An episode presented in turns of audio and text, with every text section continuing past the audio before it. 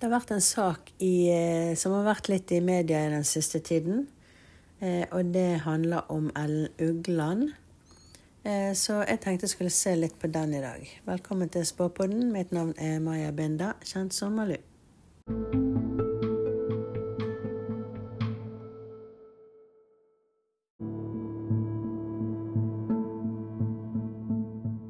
Jeg kan jo begynne med å fortelle saken ifra sånn som man står i media, da. altså Ellen Ugland eh, Hun var sekretær til den styrtrike skipsrederen Johan Jørgen Ugland. Han var gift, men når konen hans omkom i en bilulykke i 1986, så ble han sammen med Ellen Ugland. De giftet seg i 1989, men de fikk ingen barn sammen. Um, han eh, skipsrederen, han døde i mars i 2010. Da ble han funnet død i sitt eget boblebad. Um, Folk sier jo det at det var veldig tydelig at de kunne se at eh, hun Ellen Ugland At det var veldig tøft for hun å miste ektemannen. Og så at hun egentlig ikke hadde så mange. Hun giftet seg jo Hun var ganske ung når hun giftet seg med skipsrederen. Når skipsrederen døde, så etterlot han seg en formue på rundt 3 milliarder kroner i Uglands rederi. Ti år før han døde, så fikk tre Altså han har tre barn. De fikk 25 millioner kroner hver for aksjene som de eide i selskapet. Men i testamentet ble eh, de tre barna nærmest gjort arveløse. Eh, de fikk eh, til sammen syv millioner kroner av milliardformuen hans. Så han ga heller arven, den fordelte han mellom hun Ellen Ugland og barnebarnet sitt Knut. Hun hadde 45% av aksjene, mens Knut hadde 55 Så Ellen Ugland hun arvet dermed 1,35 milliarder kroner. Og denne arvestriden den var forsidestoff i mange aviser. Så 6.12.2010 da skulle Ellen Ugland reise fra leiligheten sin. Hun bodde på Lysaker fordi at hun skulle på et julebord. Um, før hun skulle der, så skulle hun innom eh, niesen sin Titti, som òg bor på Lysaker. De to snakket sammen på telefonen to ganger eh, den morgenen der. Eh, og Ellen Ugland skulle egentlig spise frokost hos hun eh, før hun reiste på julebordet. Rett etter klokken ti forsøkte niesen å ringe Ellen Ugland igjen, men da fikk hun ingen svar. Hun ringte om igjen og om igjen. Til slutt så fikk hun ektemannen sin til å reise hjem for å se etter Ellen Ugland. Det gjorde han. Han ringte på, men ingen åpnet. Så han kjørte hjem og hentet en ekstra nøkkel. Eh, så kjørte han tilbake og låste seg inn i leiligheten. Eh, og fant da Ellen Ugland liggende i entreen. Politirapporten, der står det dødsfallet var uventet, men ikke unaturlig. Men i eh, obduksjonsrapporten så står det at det kan tyde på kvelning ved vold mot halsen som dødsårsak. Eh, og at årsaken til blødningen i svelgslimhinnen og høyre lunge er uviss, men antas ikke påført ved gjenopplivingsforsøk. Blåmerkene på venstre overarm skyldes stump ytre vold, f.eks. med trykk eller press fra en annen persons fingre. Så pga. Eh, obduksjonsrapporten så startet politiet etterforskning. Eh, og da sa de til pressen at de betraktet dødsfallet som mistenkelig. Men nå så står hele saken stille. Det ser jo ikke ut som det skjer noe. Og derfor så tenkte jeg at jeg skulle se hva jeg fikk frem eh, om dette. Men som sagt, som vanlig eh, så må jeg jo minne om at det her er sett med klarsyn, eh, og at vi tar det for det som det er.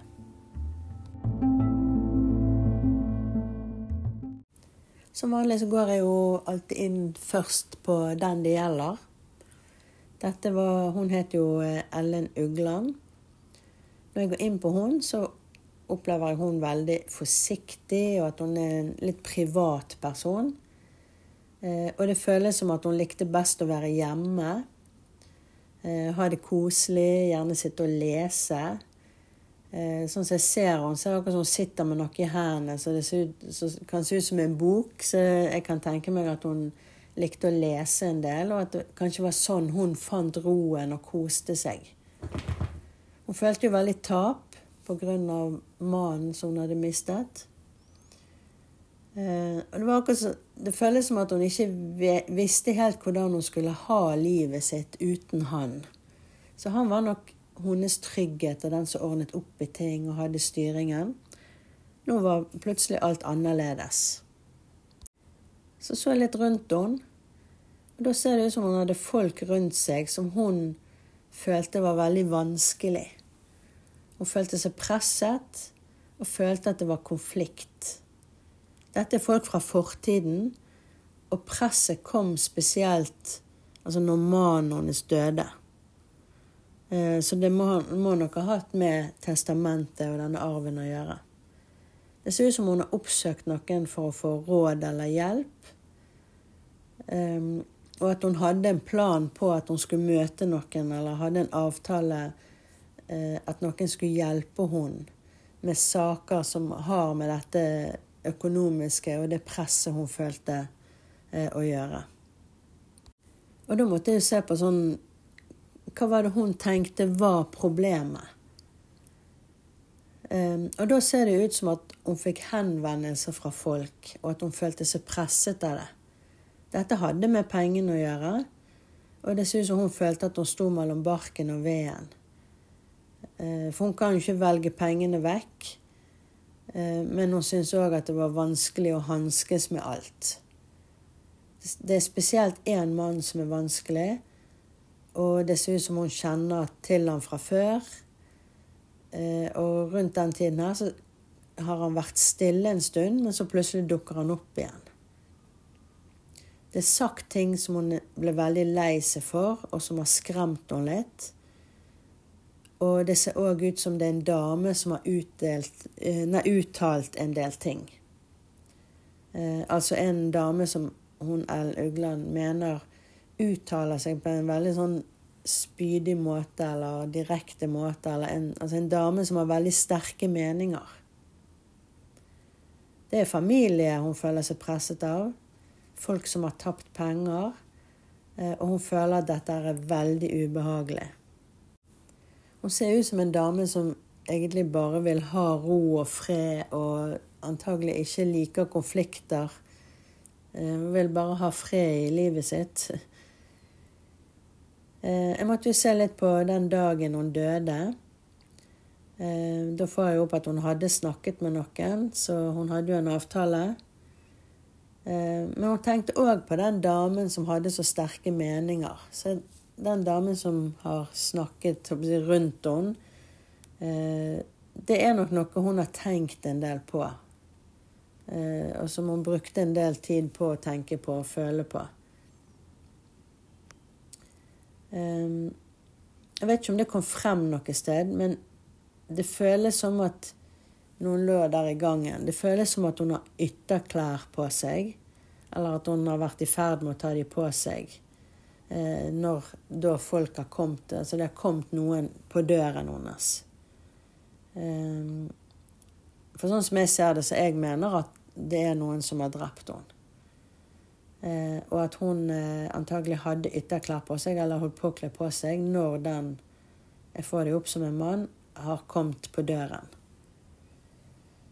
Eh, han som jeg ser står bak dette, det er en mann Eh, og han har en dame i livet sitt, så han må være gift eller samboer eller sånn. Men hun er ikke med denne dagen her, som jeg kan se, da.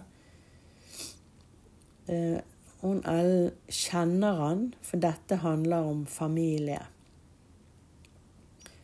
Hun blir litt overrasket når han kommer, og det blir en krangel. Um, og det ser ut som krangel altså det, det, er noe som blir nevnt om at det at hun har tatt kontakt med en rådgiver eller en advokat eller, altså, For hun har en eller annen som hun vil ha hjelp av. Eh, og det kan være at han mannen her mener at hun ikke skal ha den rådgiveren, eller at han mener at det er noe feil med den rådgiveren. Så ser det ut som hun blir overfalt, og hun blir så overrasket at hun nesten ikke skjønner hva som skjer. Eh, det ser ut som ting har gått veldig fort. For det er nesten så at hun sjøl altså, ikke forstår det. Og må, da måtte jeg jo spørre litt på sånn Hva var det han sa om denne rådgiveren eller advokaten eller det som hun har kontaktet? Eh, og da får jeg at det har jo noe med arven å gjøre. Og det virker som at han mener at arven må gjøres om. Eh, noe om at hun ikke har kompetanse til å drive dette, at det er gjort feil. Men dette er gamle diskusjoner. Dette har hun eh, vært oppi før. Dette har vært diskutert før.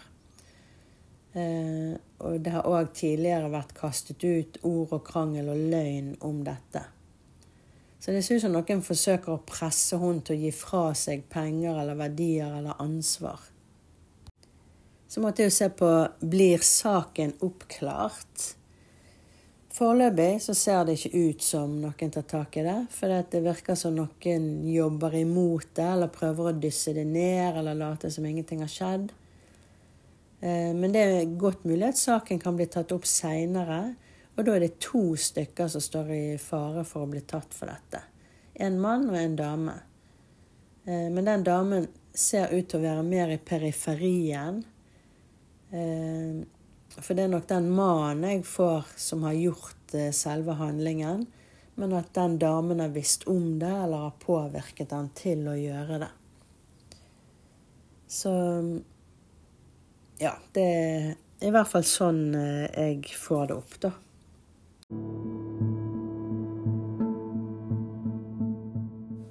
Vel, det var det jeg eh, fikk om den saken her. Jeg eh, må jo igjen minne om at eh, dette er sett med klarsyn. Eh, og at vi ikke beskylder noen. Alle er jo uskyldige inntil de er funnet skyldig og dømt. Eller så må jeg minne om at bare send tips til post1malu.no. Tips til saker som du vil jeg skal se på, eller tilbakemeldinger. Du har nå hørt på Spåpodden. Mitt navn er Maja Binda, kjent som Malu.